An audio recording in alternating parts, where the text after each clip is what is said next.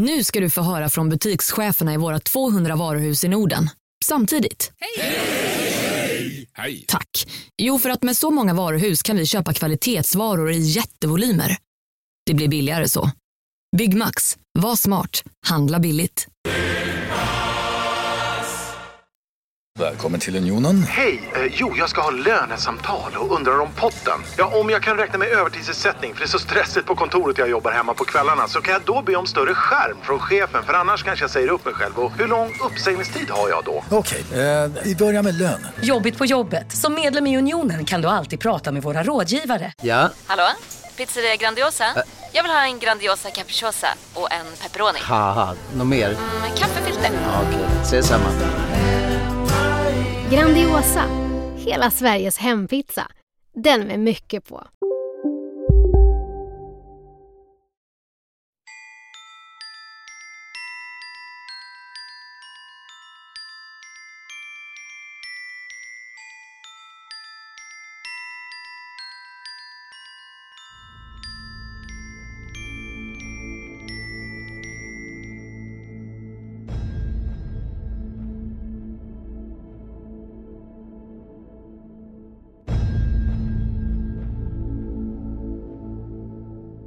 Martin, nu är vi tillbaka.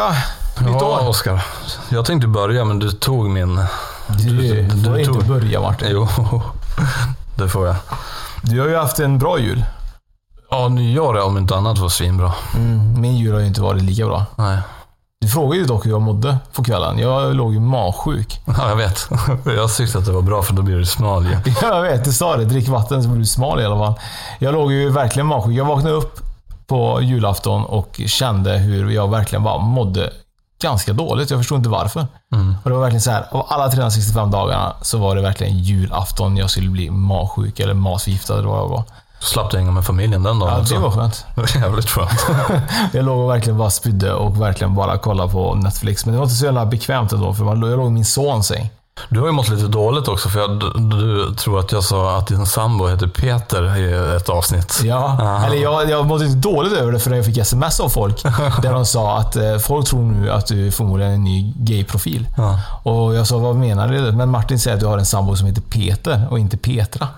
Och jag bara, va? Är det sant? Och så lyssnade jag och så var det verkligen så här. Martin, vad har du gjort? Du har verkligen eh, fått halva Sveriges befolkning och tror att jag är tillsammans med en Peter istället för en Petra. Men det gör ingenting. Jag är ganska öppen för, för förslag. Det är bra. Eh, vi har faktiskt eh, ett, en samarbetspartner nu Martin. Ja, det har vi. Ja, vi har Next ju story. Nextory. Precis. Vad är det för någonting? Nextory är ju en ljud och en e-boktjänst som du pre- prenumererar på månadsvis. Du får läsa och lyssna på hur många böcker du vill i din mobil eller surfplatta och du kan lyssna helt nonstop. Och eh, det är ju någonting som eh, passar ju verkligen din livsstil. Det passar svinbra. Jag åker ju så jävla mycket tåg och då lyssnar jag på jävligt mycket ljudböcker. Men finns det någon ljudbok eh, som, eh, som utmärker sig mer just nu för, för din del? Så så här, två har jag egentligen. En bok har jag sökt länge som fan och den försökte jag låna av din sambo Petra, men det fick jag inte. Petra, ja. Eh, en, en av Alex Schulmans tidigare böcker. Den fick jag inte låna, men den kunde jag lyssna på nu på Nextdoor, för där fanns den. Hon tyckte ju att du inte fick låna den på grund, inte på grund av att hon eh, inte tyckte att du skulle få låna den, det var på grund av att det inte var hennes bok. Det Ja, får vi alltså. säga. Annars tror jag tillsammans med en Peter och en som inte lånar ut böcker. Liksom. Men äh, sen vet du, har jag lyssnat nu på, på um, Gunde Stordalens bok. Svinbra. Uh, jävligt coolt att läsa om starka kvinnor som ju gör bra skit för världen. Hon har haft eh, cancer, jag förstår rätt. Ja, jag har inte kommit så långt. Jag har inte kommit så långt in i boken. Så jag spoilar den. Nej, Men ja, hon har haft, varit sjuk, men hon har varit miljöaktivist tidigt. Hon är, hon är en stark kvinna som gör, tänker på, hon vill göra stora grejer. Kan man säga då att eh, om det är så att om någon där ute har kanske en tjatig partner eh, just nu så kan de bara koppla sig in på nextstory.se. Och lyssna på Gunnel Stordalen så man får lite bra energi istället. Ja, och så gå in på kampanjkod Spökpodden. och eh, ange spökpodden. Så får de 30 dagar gratis lyssning. Så nextstory.se slash kampanj. 30 Rabattkod. Rabattkod Spökpodden. Fantastiskt ju. Snyggt. Tack Nextory. Och eh, nu får vi prata med våran gäst. Äntligen. Det var ju en så lång början. Ja.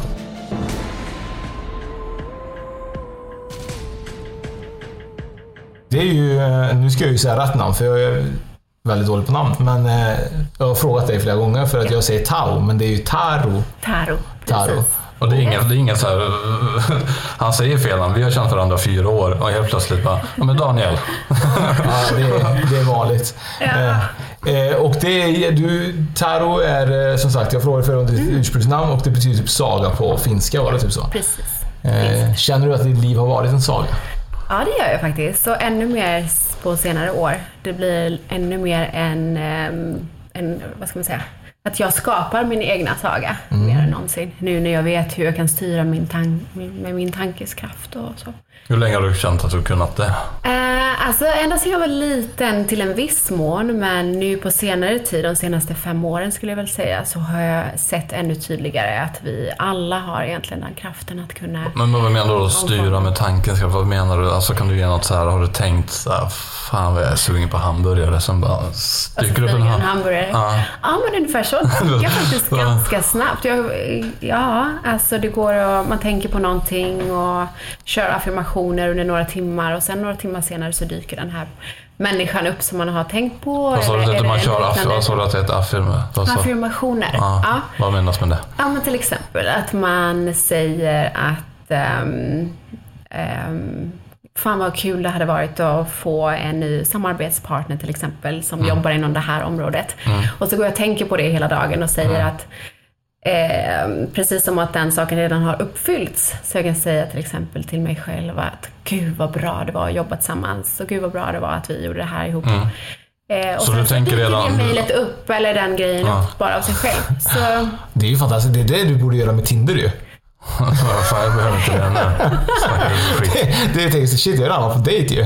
Fan, Det är- jag behöver inte sånt. Se det framför dig, den snyggaste dejten, härligaste det är dejten. och- Det har alltid varit. Så det som står i vägen till att vi ska kunna skapa det liv vi vill ha, eller leva det drömlivet vi helst av allt vill ha, det är ju våra limiterande tankar. Det är de här tankarna som tänker, nej det är inte jag värd, eller fan nej det finns inga tillräckligt snygga tjejer, eller det kanske inte finns, du vet, att man eh, hela tiden bromsar in sig själv. Och sen så lever vi i en sån värld där vi hela tiden vill ha rationellt tänkande inslaget i allt vi gör och tänker. Eh, och det rationella är det som står i vägen också jättemycket för att... det- Men nu det- gick vi in direkt på, ta, på Taro eh, utan att egentligen prata om vem Taro är. Eh, du kan ju berätta, du har varit ute och rest i många år och du har verkligen rest eh, mer eller mindre eh, Ja. världen runt. Ja. Eh, är det på grund av att du har, du har flytt Sverige nästan i 15, 14, 15 år. Ja. Eh, känner du liksom att Sverige var för litet för dig eller vad är det som gjorde att du på något sätt började din resa så tidigt? absolut. Ja, för, lite för litet och väldigt mycket för kallt. Så jag har alltid dragits till varmare orter, varmare länder. Eh, och där det finns lite mer öppensinnighet. Men, men jag ska inte kasta skit på Sverige, för Sverige är fantastiskt på många sätt. Och det finns ju inskränkthet i alla länder också. Eh, Men eh, jag tror det har mer varit en så här känsla av att jag vill upptäcka mer vad som finns. Och desto mer man upptäcker, desto mer vill man upptäcka. Så ja, det har bara varit följt sig naturligt. Och nu är det mer av praktiska skäl att ja, men nu vill jag verkligen ha så många soltimmar som möjligt för det gör mig gladast. Och då kan jag vara ute och leka med min son mest, du vet. Eh, istället för att vara ett regnigt klimat där man måste vara inomhus så mycket. Men du hade bott eh, på en båt i fem år? Ja, precis. Jag har Eh. seglat. Eh, Jag hade en kille, eh, en seglare. Ja, men den hade jag också faktiskt dragit till mig. Jag sa en eftermiddag när jag bodde i Barcelona, sa jag till mina vänner att gud det hade varit nice att resa runt jorden och få betalt för det och skriva om detta för alla, massa människor. Så inom en vecka så träffade jag en seglare som hade en segelbåt och han bara, eller jag sa till honom, ska vi inte dra segla jorden runt med din båt? Och han bara, ja visst, så gjorde vi det. Men jag tänker lite grann såhär, har du sagt till din tjej typ såhär, kan inte vi segla jorden runt i fem år? Tror du att du hade haft en lika turen som Tauro hade haft? Till en tjej. Jag kan testa med honom lite träffa nu och se om han vill segla med mig i fem år. Ja, kanske funkar. Fasta i fem år. Valde du kille på grund av hur stor segelbåten var eller valde du... Men det var inga andra alternativ. Det var bara den här seglaren. Och så var det liksom antingen det eller det livet jag levde innan. Vilket var inte heller så dumt men, men det kändes som att det var den möjligheten som dök upp. Och då tänkte jag, ja. Men när du såg den möjligheten, såg du honom och tyckte att han, shit, den här killen är snygg nog för att segla med fem år? Eller var det liksom så här att, nej men han, eh, han vill jag segla med för att han verkar vara typ en mysig morbror liksom? Nej, men det var både och. Han hade ju både det som jag, vill, som jag tilltalades Ja. av just då. Han var ju snygg och charmig och eh, ja, en fransos. En, en, en typisk seglarkille liksom Mm. som har seglat hela sitt liv och gillade att vara ute på havet mer än att vara ute. Och det var bara... Det Känner bara du, som känner du efter fem år att det räckte att du inte ville leva något annat så du valde en kapten kanske på flygplan istället? som flyger med jorden runt. Nej, men vi kom nog till en punkt där vi kände att nej, nu har vi blivit mer vänner än någonting annat och nu funkar inte vår relation längre. Och det var mycket, alltså det är väldigt intensivt när man lever bara två personer på en segelbåt hela tiden och man har liksom ingen annan mestadels, det är bara oss två och mycket liksom Men det här var då innan du verkligen fattade Ja, ditt precis. upp- uppvaknande.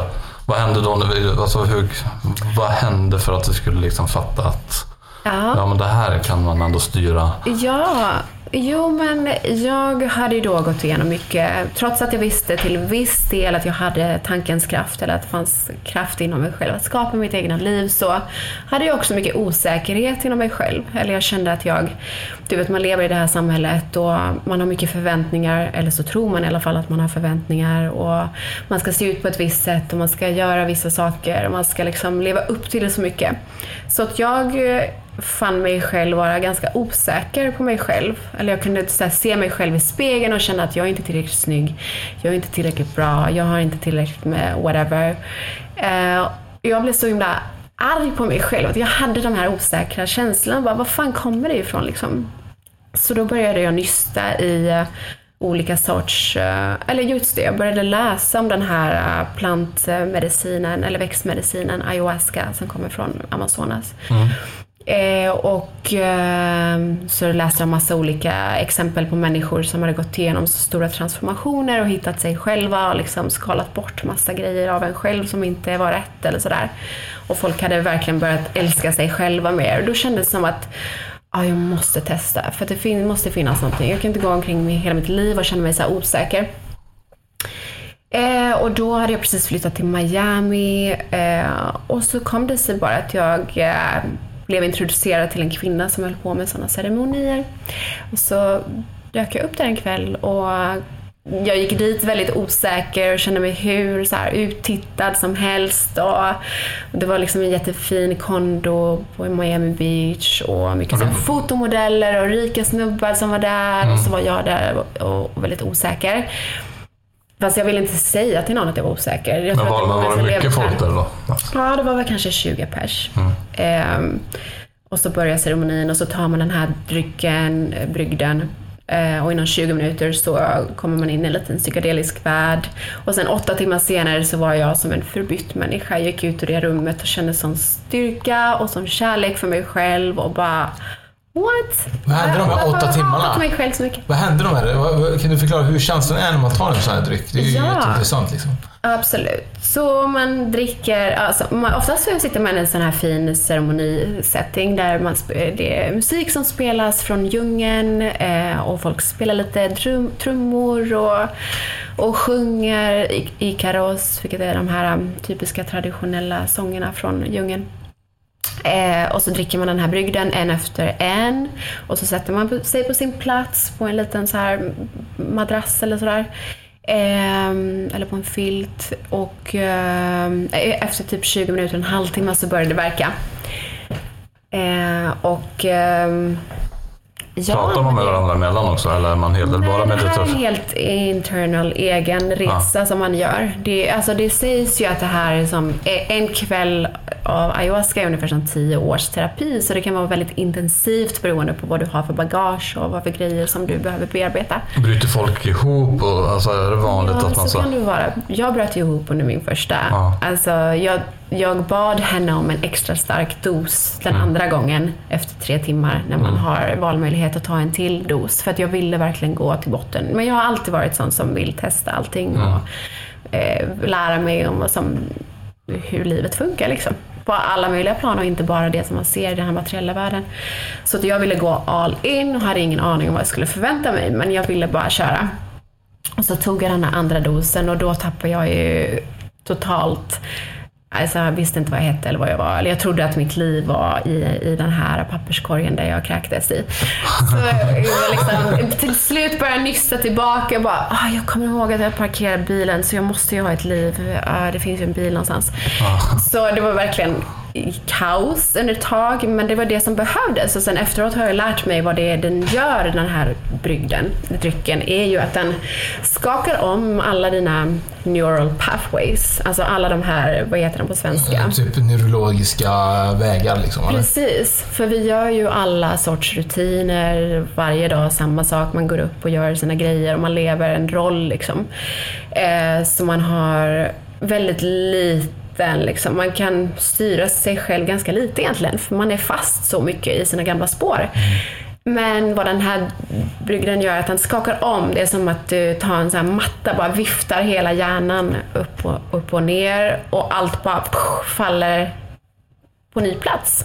Och på den rätta, den bra platsen, eh, vilket innebär att du kommer tillbaka till ur du, alltså ja, vem du är. Den, som, grund och botten liksom. Precis, vilket egentligen vi är gjorda av kärlek och ljus och compassion för dig själv och för andra och vi vill samarbeta och vi vill, vi vill varandra och oss själva väl och vi är inte alls destruktiva. Det finns ingen anledning att vara destruktiv. Så att allt det där, all den skiten bara slopades bort och så var det bara jag kvar med kärlek för mig själv. Så det var, alltså, det var det, den mest fantastiska upplevelsen. Men mår man dåligt under åtta timmar? Ja, det kan man göra för att eh, det beror, på hur, det beror på hur djupt du går in i den här resan. Men jag valde att gå djupt och då mådde jag ju naturligtvis dåligt. Alltså jag kräktes, det är mycket negativa energier. Allt det här tänkte jag då, allt du har burit på. Mm. Du säljer in den bra nu. Eller, ja, men för mig var Man det mår verkligen... svindåligt.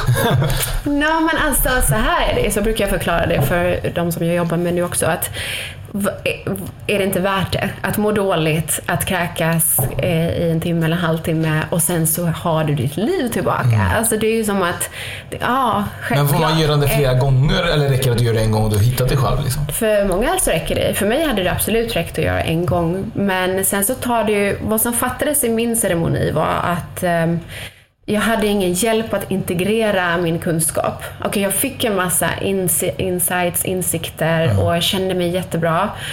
Men alltså hela livet är ju förändrat efter en sån upplevelse. Mm. Det är som att jag ska bygga om mitt liv nu. Och jag hade ingen som kunde hjälpa mig eller stödja mig eller sådär. Det kändes inte som att jag hade den support network. Så vad jag har gjort nu med mina retreats som vi kan prata om sen, ja, är att jag erbjuder liksom ett paket där kvinnor kan göra den här ceremonin tillsammans med mig och sen så får de också vägledning och stöd både innan och efter.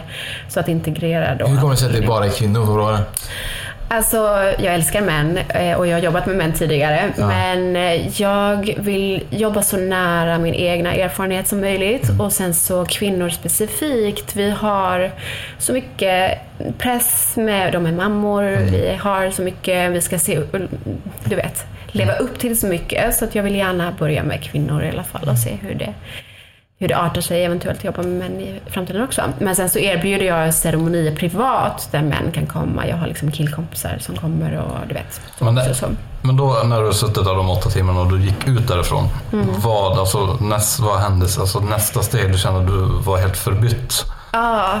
Vad, hur såg den närmaste tiden ut efteråt? Liksom? Eh, närmaste tiden efteråt var... Så jag tänker också så här, om du kände dig förbytt och det är mycket förändring, då, då kommer ju också mycket förändringar och mycket tankar. Och förändring brukar inte heller vara så jävla härligt varje gång. Nej, precis.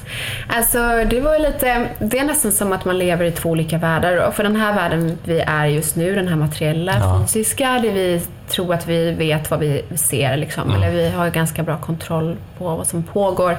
Men samtidigt så finns det ju en, eh, en själslig värld där saker och ting är mycket enklare om man nu skulle leva med en större fot i den världen egentligen. Man skulle slippa ha ångest, man skulle slippa bli irriterad för små grejer.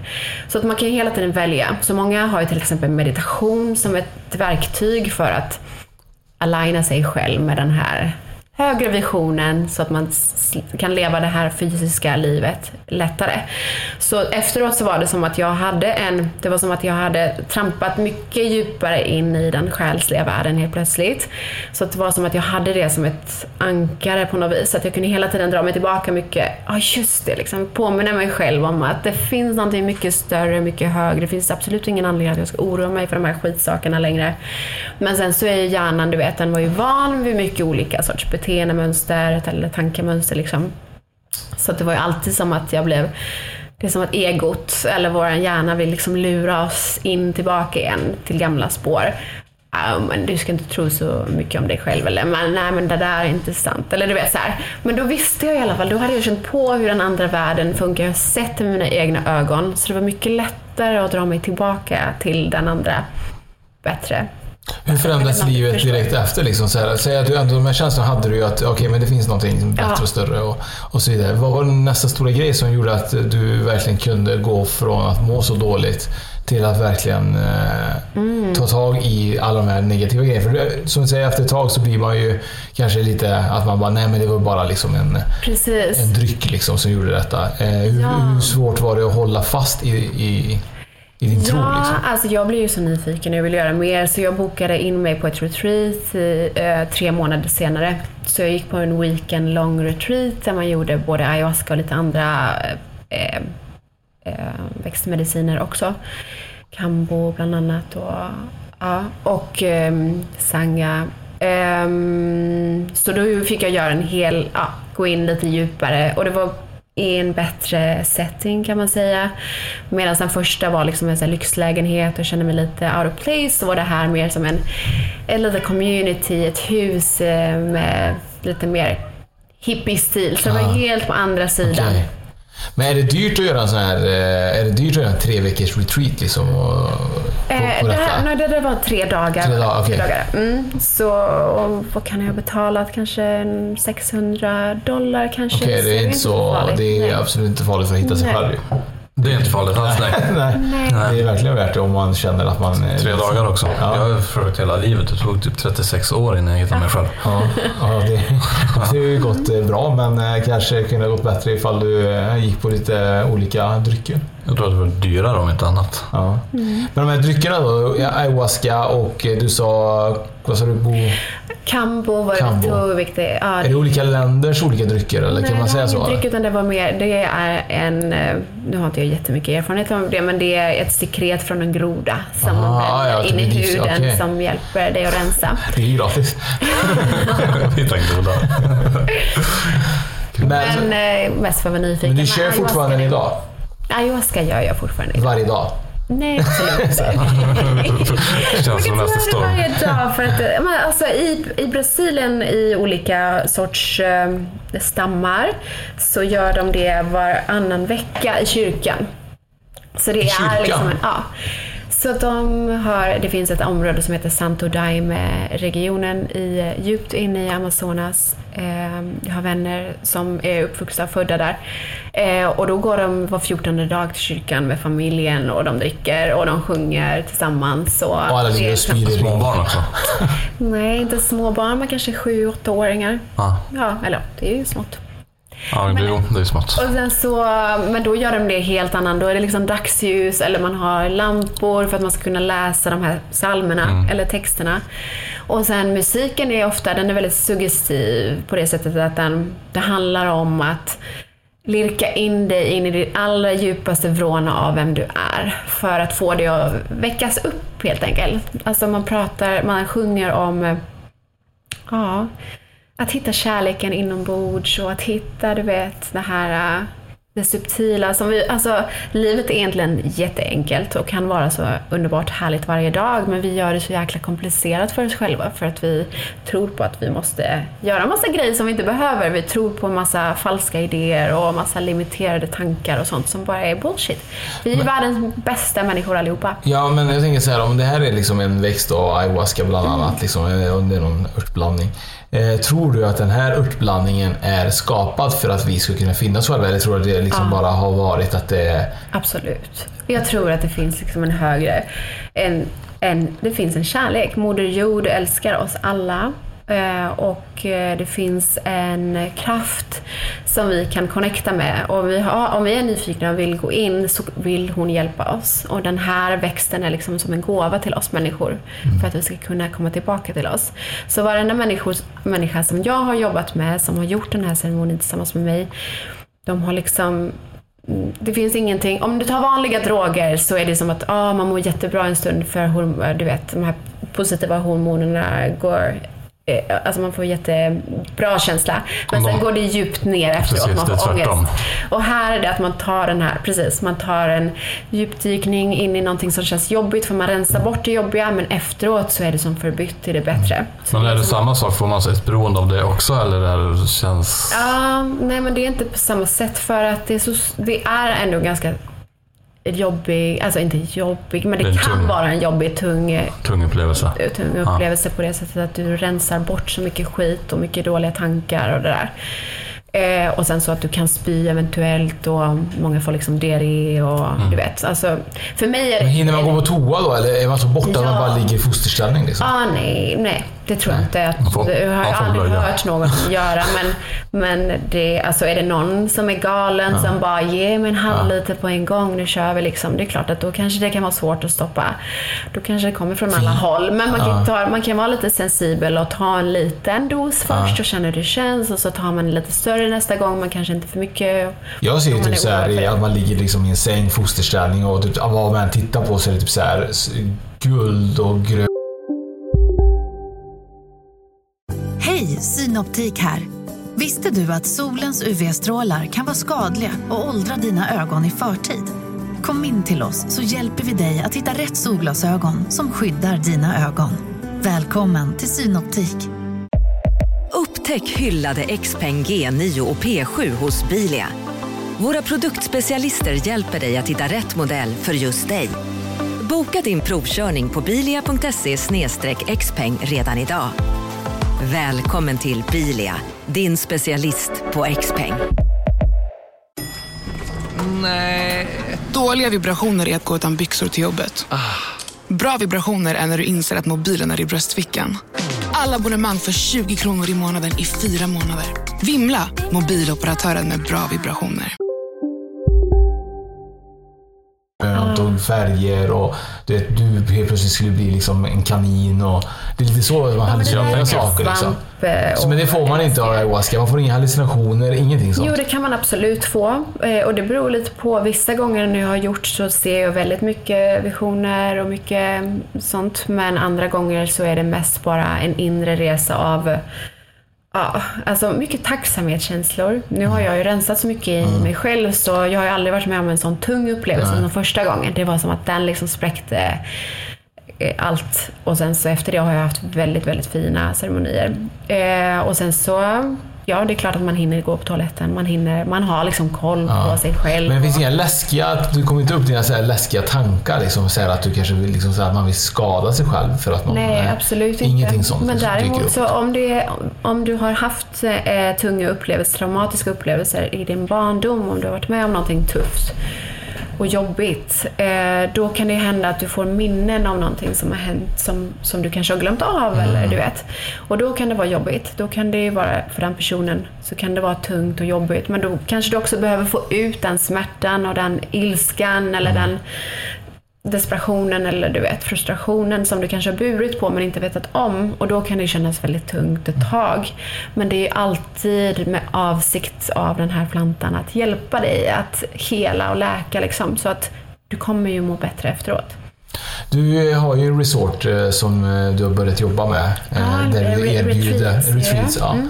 Eh, Där du erbjuder bland annat Ja. eh, ayahuasca och så vidare. Precis. Och detta är i Spanien och det finns att få tag i ingredienserna till, eh, till växterna i Spanien också? Eller behöver man liksom importera från eh, Amazonen? Eh, alltså ja, det är de flesta som jobbar med ayahuasca får importera det från Amazonas på Ja. ett eller Så det finns sätt. ingen annanstans det växer än Amazonas? Det finns folk som väx, som i södra Europa som har börjat växa, eller vet det, eh, Odla. kulti, odla, kultivera sådana träd själva. Men det växer långsamt, det tar väldigt många år så att jag vet inte när de kommer kunna börja använda Mm. det. Men, men annars så är det att man får ha någon kontakt som Mm. tar det från Amazonas och så genom olika sätt. När började du? Alltså hur lång tid tog det för dig innan du började arbeta med det och, är det andra? Ehm, jag började i förra året, nu 2019, så jag hade själv haft en fyra, års, fyra och ett halvt års erfarenhet av att gått kurs då också eller har du bara kört? Så jag gör det här tillsammans med sådana människor som har erfarenhet, som kommer från Amazonas Mm. eh, själva och har jobbat med detta i tio års tid. Så att jag gör inte detta helt själv, utan jag är med då som coach och facil- facilitator. Eh, och, eh, och finns där som stöd och hjälp. Och vi coach, jag coachar dem innan och efteråt då, för att de ska kunna integrera detta på bästa sätt. Men själva att eh, skapa brygden den kommer från någon annanstans och den som ger brygden är någon som har erfaren, längre erfarenhet än vad jag har. Jag skulle kunna göra ceremonier själv men eh, jag vill gärna ha med någon som har mer erfarenhet så att det känns mer så vi kan bilda en bra, ett bra team tillsammans och att ceremonin blir så bra som möjligt. Vart i Spanien ligger eh, retreatsen? Eh, vi gör i Mallorca på mestadels just nu men eh, det kommer att växa till lite olika platser. Mm. Så. Du kör eh, detta helt ensam eller har du även en... eh, Så jag jobbar ju som eh, livscoach, det är ju min grej. Jag jobbar med att hjälpa folk att transformera deras liv, specifikt kvinnor.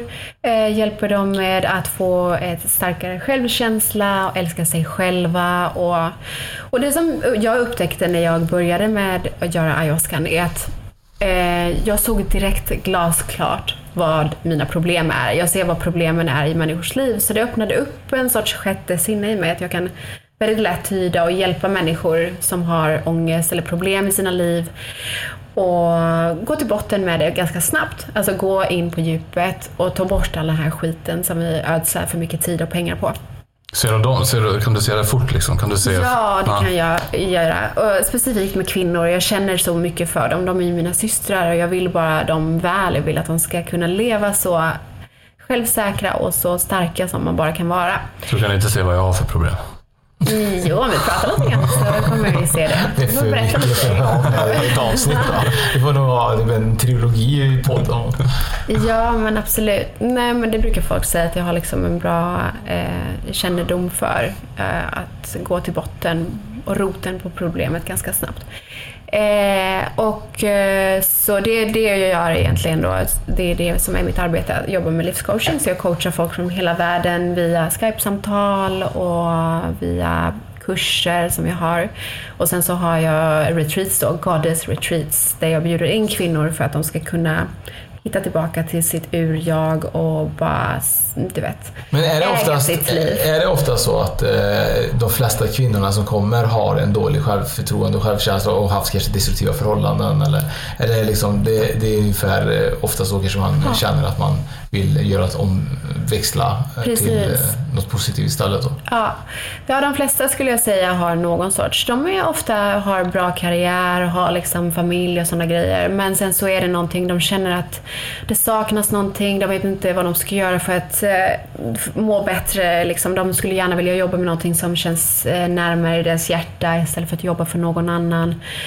Och de känner att tiden inte räcker till kanske. Att eh, familj och allt annat, alla åtaganden tar så mycket tid och plats och de har knappt tid att sova. Liksom. Så oftast är det de- det problemet. Och sen så är det också mycket självförtroendeproblem. Att kvinnor känner att de vågar inte satsa på det de vill göra i livet. För de vågar inte tro på sig själva. Och de känner att de har ibland destruktiva relationer. Och alltså alla de här problemen som vi alla har och även män har. Eh, som jag eh, nu vet att ingen behöver ha. Nej. Ingen av oss behöver leva så. Alla kan vi leva jävligt självsäkra, trygga i oss själva och bara njuta av livet. Men vad skulle, vad, skulle, vad, vad, vad skulle du ge för tips? För du säger limiterade tankar. Liksom. Mm. Vad är det för tips att få bort? Kan man göra någonting hemma liksom, för ja, att utan börja? den här Ja. ayahuascan. Ja, det är klart. Man kan göra massa grejer.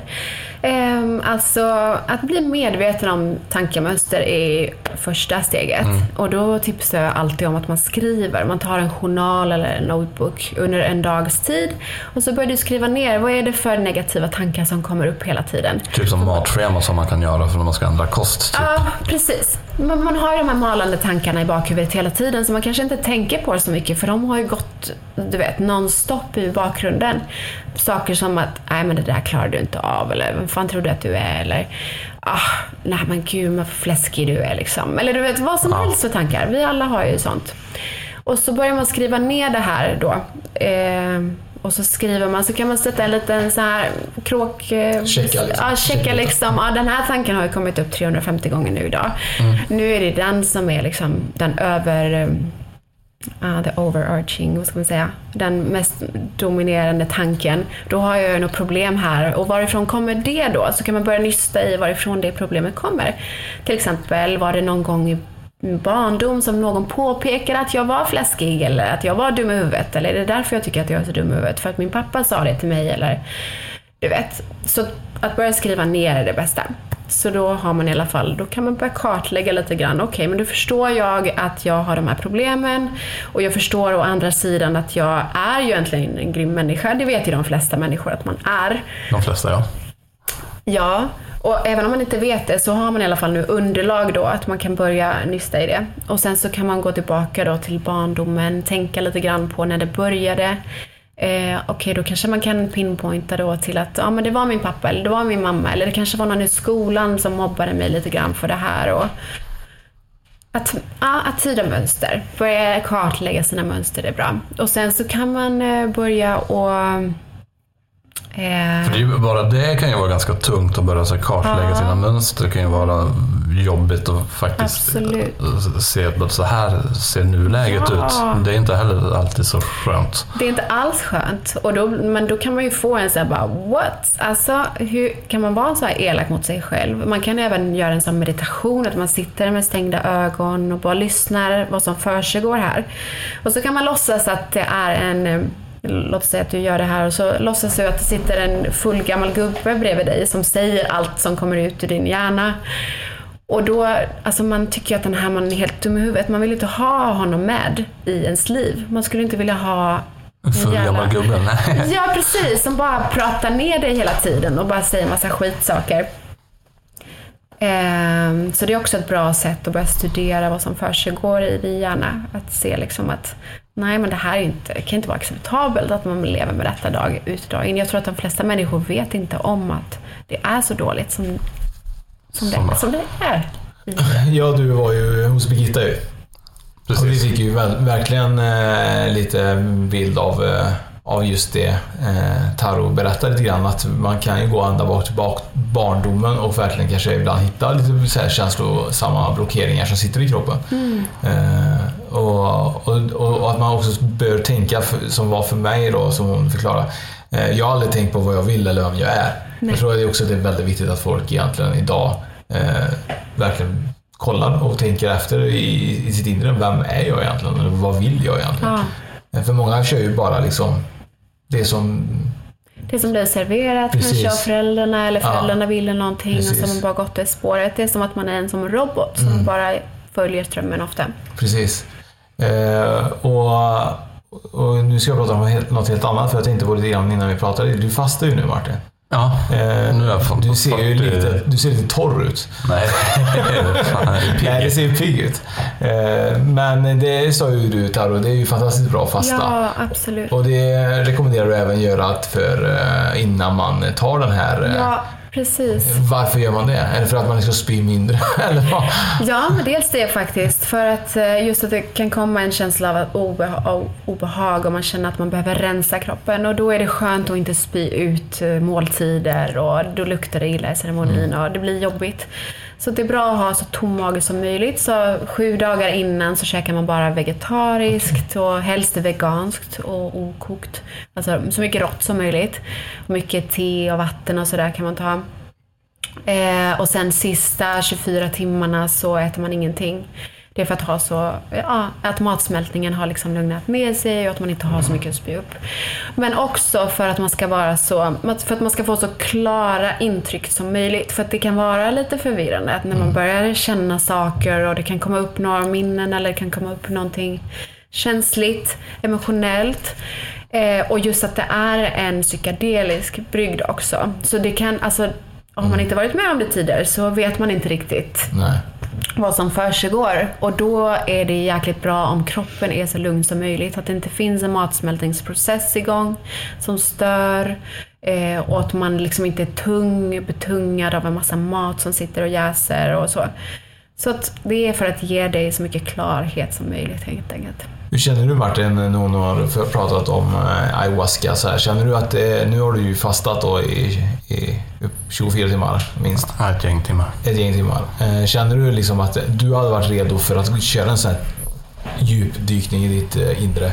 Jag är redo ja. Du hade gjort det? Ja, lätt. Känner du att vi borde boka en resa till Spanien? Men hon tar ju inte emot män ju. Det kommer ju Det är vara det som är problemet. Ja, vi får ju bara sitta och sola istället. Okej, jag måste göra en corre- correction här. För att mina retreats är goddess retreats, så de är för kvinnor. Men jag gör eh, privata ceremonier gör jag med män också. Ja. Så jag har liksom killkompisar eller killar som kan komma över också. Så ni skulle kunna komma över på en, eh, en kväll eller två. Då skulle vi behöva blöja och spyhink. Ja, men toaletten är nära, det är inga problem. Men det, har du flera toaletter? För jag tänker så här, om det Ja. står 20 pers i kö liksom så här, Ja, och, ja, ja, det finns flera och alla trippar liksom. Sen så kan man välja, antingen så kör man en privat grupp om ni skulle vilja komma ner bara ni två och några vänner till er eller era tjejer eller sådär så kan man göra en privat grej. Eller så om ni kommer på någon sån bokad, det är en större ceremoni. Men ofta vill man kanske göra det i en lite lugnare grupp med, med folk man tycker om och känner. Och då är det ju Var, eh, hur många eh, kör du i veckan? Är det mycket liksom återkommande kunder som kommer tillbaka från? Eller liksom Ja, ibland är det bara... återkommande. Det kan vara folk som har en, eh, ja, de går igenom någonting att man jobbar på någonting som har hänt i barndomen som har varit traumatiskt. Och man får en ny inblick varje gång man gör det här också. Man vet inte vad som kommer att bli serverat från ens undermedvetna. För allt man har varit med om någonsin i ens liv, allt som du inte ens kommer ihåg, allt från födseln och även saker från tidigare liv kan komma upp. Och allting finns lagrat i ditt undermedvetna. Även om inte du kommer ihåg det så här nu så finns det ändå där. Så att när du då går in i den här eh, trippen, eller vad man ska säga, den här resan, så så kan det komma upp exakt vad som helst från ditt undermedvetna. Och det är precis som att ja, men du får vad du är redo för och du får det som är tänkt för dig just nu att läka så att du kan gå vidare och leva ett lättare liv. Så man vet inte. Men när du, Så- får den resan, när du får den här bilden framför dig, liksom, så här, att det kan vara från din barndom till exempel. eh, Hinner du bearbeta dem på de här timmarna, liksom, så här, den delen? Eller bara, kommer det upp en bild och sen är det klart? Liksom? Nej, men det kan eh, te sig på olika sätt. Men antingen så kan det komma upp ett minne eller en känsla. Eller till exempel att du har varit arg på någon hela ditt liv men helt plötsligt så får du en förståelse för varför. Och du kan släppa det på en gång för du inser att Wow, ja, men jag fattar varför men jag behöver inte bära. Varför ska jag bära på det här nu liksom? Det borde ju någon annan göra och inte jag. Fast jag har ändå kärlek och förståelse för den människan trots att jag blev skadad eller sårad. Så det är så mycket Alltså det är så mycket så, så, som kan hända och ibland så ser man ingenting, man bara känner känslor. Och man bara känner ett överflöd av kärlek som bara tar över allt, alla dina negativa känslor du har känt. Så det kan vara helt olika. Ehm, så ibland för vissa så räcker det att man gör en gång medan för andra som vill gå djupare in och de vill fortsätta studera sig själva, de vill bara fortsätta mer och mer. Så var det ju för mig. Jag kommer ju aldrig sluta göra detta för att för mig känns det som att det finns så mycket mer att utforska. Även om jag nu känner mig läkt med vad som har hänt i min barndom. Eh, och jag förstår saker och har kunnat kartlägga det och kunnat lägga liksom, eh, saker och ting bakom mig med kärlek. Men, ehm, men det finns fortfarande saker inom mig som jag vill veta mer om. Det finns mer saker jag vill förstå. Om du skulle få förklara Taro med, fem, med fem ord, vem du var innan och vem du, fem ord vem du är nu. Eh, Mm. Hade du kunnat göra det? Eh, om du vill. Jättegärna. frågan innan men okej, fem ord innan. Jag har alltid varit, eh, jag har nog alltid varit väldigt eh, äventyrslysten eller äventyrsgalen och alltid varit väldigt bestämd och målmedveten. Det har nog alltid funnits med. Men sen så var jag också väldigt, eh, ja jag var osäker. Jag var osäker på mig själv. Jag var osäker på om jag var älskad eller accepterad. Det kom från min barndom med tanke på mina föräldrar och det kan vi gå in på sen om du vill. Och sen så, ja, så delvis en stark kvinna, eh, men också osäkra drag. Medan jag känner idag att jag är en stark kvinna, men mer sårbar än tidigare. För jag tillåter mig själv att känna känslor som jag inte till- tillät mig tidigare. För jag försökte alltid vara stark och låtsas som att jag hade the shit together. Eh, Så nu är jag nog mer nära mina känslor, men mycket mer självsäker på ett mer grounded sätt. Alltså jag vet vem jag är och vad mina möjligheter är. Ehm, Jag älskar mig själv helt enkelt. Så. Du sa ju, du kan gå in på det om du vill. Är det känsligt för dig att prata om liksom, din barndom som har liksom... Eh, jag gissar att du har knutit upp rätt mycket knutar Ja, inom dig. precis. Var det liksom en eh, barndom så du kände liksom att föräldrarna inte kanske var med lika mycket i bilden som du Ja, önskade? eller? absolut. Ja, ja. Mina föräldrar var... Min mamma var 18 år när hon fick mig. Hon drack redan då. Hon hade haft en jobbig barndom själv och min pappa fanns inte i bilden för hon hade haft någon annan kille vid sidan av så hon ville inte avslöja vem pappan var. Så det var massa förvirring där. Så när jag föddes så drack min mamma redan väldigt mycket. Så när jag var tre år gammal så blev jag förflyttad till ett barnhem. Så jag växte upp på barnhem i Finland under, ja, från att jag var tre till åtta år gammal. Eh, och sen så flyttade jag till fosterfamilj i Sverige, vilket var min mammas bror. Så jag hade en ganska bra uppväxt hos dem, hos min morbror. Eh, kom inte alltid överens med hans fru dock, så jag flyttade hemifrån tidigt, eh, när jag var 16 år gammal. Eh, och sen så har jag liksom tagit hand om mig själv sen dess, sen jag var 16. Men det var ju självklart mycket eh, ouppklarat med min mamma, för jag hade alltid tagit på mig rollen om att tycka synd om min mamma. Alltså att alla hade alltid pratat om hur min mamma alltid var, ja men hon mådde så dåligt och hon var sjuk och hon drack och hon hade det jobbigt i sin barndom och sådär. Så redan som treåring så tog jag ansvaret att tycka synd om henne. Och det var ju jättefint och bra för mig och det var så barn gör för de älskar sina föräldrar. Men det var ju väldigt mycket känslor då som jag var tvungen då att putta bort åt sidan. Mina egna känslor. Hur mycket jag älskade och saknade henne och Mm, alltså besvikelsen över att inte få vara med min mamma igen och du vet sådana saker. Så mycket av det kom upp under mina ceremonier i början. Alltså eh, bottenlös sorg helt enkelt för att inte ha fått vara med min mamma. Eh, och sen så, jag träffade min pappa första gången jag var 16 år så vi har återbyggt vår relation. Men ehm, Mamma och relationen idag, finns den hon, eller? nej, hon dog eh, 2012 så... Hann du bygga någon relation? Ja, lite grann. Men hon var fortfarande ganska sjuk. Hon satt i rullstol och gått igenom mycket, alltså mycket problem, fysiska problem och sådär. Så att, ja, vi kom nära varandra. Vi älskar varandra. Vi fanns där för varandra. Trots att vi inte sågs mer än en gång per år kanske. Men vi hördes av. Men det var svårt också att knyta. Alltså, tänkte hon har druckit hela ens liv sedan hon var Mm. Typ det är 13 bast och så. Hon var lite som en tonåring liksom. Har du, har du avslutat det kapitlet i ditt liv idag? Att du har liksom funnit frid i det? Eller Ja, är det en del som du fortfarande... Absolut, ja, absolut. Jag tror att det finns mer där fortfarande. Alltså det finns ju alla känslor och, gamla minnen som fortfarande finns kvar kanske som jag inte har tagit upp ännu, som inte har kommit upp. Men jag känner att jag är tillfreds med hur jag har kunnat ja, hantera det helt enkelt. För förut var det så att jag hade stängt av det. Jag trodde att nej, men jag är stark nu, jag klarar det. Jag behöver inte gå in i det. Medan nu har jag tillåtit mig själv att vara ledsen för det. Och jag har gjort det så mycket så att det känns som att jag, ja, jag är nog klar med det. Men vad som hände då i och med min uppväxt var ju att jag fick med mig massa osäkra, osäkra alltså alltid tvivla på mig själv, alltid tro att jag är liksom andra är bättre än mig eller som barn tror jag man tar på sig så mycket för man tänker att ja, det måste vara något fel på mig då. Även om folk säger att hon var sjuk och sådär så, så var det ju väldigt mycket att jag trodde nog att ja, det måste vara fel på mig. Liksom. Och det speglade sig i allt, alla mina relationer. Alltså hur jag vågade ta mig för av vissa saker, hur jag spelade spel med män för att se till att de aldrig kunde såra mig. Nej, så att jag alltid skulle vara den som lämnade någon, om det var någon som lämnade någon. Liksom. Jag var alltid i relationer med killar som älskade mig lite mer än dem för att inte bli sviken och sårad. Och, ja, sådana grejer som man gör. Lite som vi gör Martin. Vi låter alla andra älska oss lite mer. Ja, men det är ju ofrånkomligt. Så, så är det så det är bara. Men eh, om jag tänker på lite när det är ayahuasca. Tror du att du hade kunnat hjälpa din mamma med ayahuasca? Under, eller tror du att det, tror du att det är Ja. någonting som hade funkat även på folk som har ett missbruk? Eller? Ja, absolut. Och det är väldigt, väldigt vanligt att man gör det. Att man jobbar med ayahuasca eh, med missbrukare. För att, det är, för att man får så mycket klarhet i vad man håller på med. Vad för skit man håller på med. Man får klarhet i hur mycket man alltid var älskad.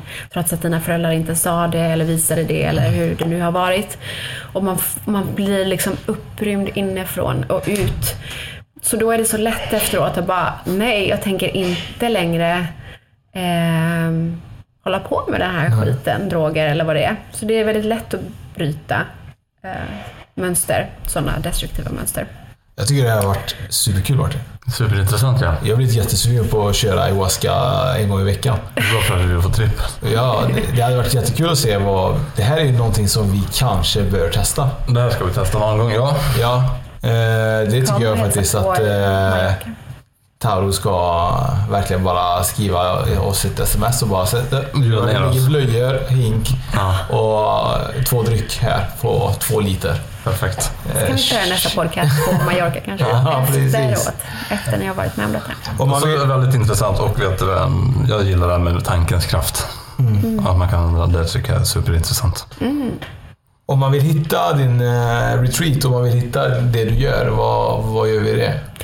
På min hemsida, tarotomi.com. Tarotomi.com Tarotomi.com. Mm. Och där kan man även boka till en resort eller Ja, läsa mer om retreat. eh, retreaten. Liksom. Eller vad säger resort, men retreat kanske. Ja, Mm. retreat. Och in- Instagram finns också om man vill. Instagram. Ja. Ja. Tarotomi. T-A-R-U-T-U-O-M-I. Du kunde verkligen hitta något eh, lättare. Men eh, vi lägger ut det på våran Instagram Ja, så, man kan, eh, så man kan finna dig. Vad heter vi på Instagram? Vi heter ju spökpodden.se. Ja, just det. Eh, och det gör vi även på, på iTunes ju, och på Spotify. Ja, precis. Så det är ju verkligen tur. Eh, och är det så att man eh, vill eh, in och veta lite mer om Taro så är det bara att gå in på hennes Instagram som vi kommer tagga. Och eh, vill man eh, ge oss betyg på iTunes får man jättegärna göra det. Mm, bara femmor. Bara för ja, inget annat. Eh, Vi, vi vet vad bor sig inte så till. Det vet vi faktiskt inte. Men eh, har varit jättekul Ja, Taro det att ha var dig med. jättekul att vara här. Tack så mycket. Tack själva. Tack.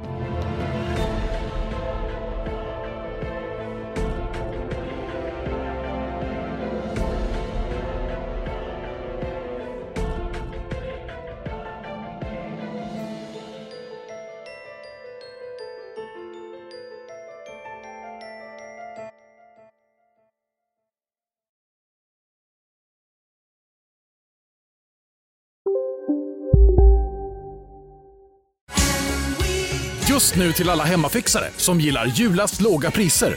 En slangvinda från Gardena på 20 meter för vattentäta 499 kronor. Inget kan stoppa dig nu. Ni är med om det största. Och det största är den minsta. Ni minns de första ögonblicken. Och den där blicken gör er starkare. Så starka att ni är ömtåliga. Men hittar trygghet i Sveriges populäraste barnförsäkring. Trygg Hansa. Trygghet för livet. Kolla menyn. Vadå? Kan det stämma? 12 köttbullar med mos för 32 spänn. Otroligt! Då får det bli efterrätt också. Lätt! Onsdagar är happy days på IKEA. Fram till 31 maj äter du som är eller blir IKEA Family-medlem alla varmrätter till halva priset. Vi ses i restaurangen på IKEA.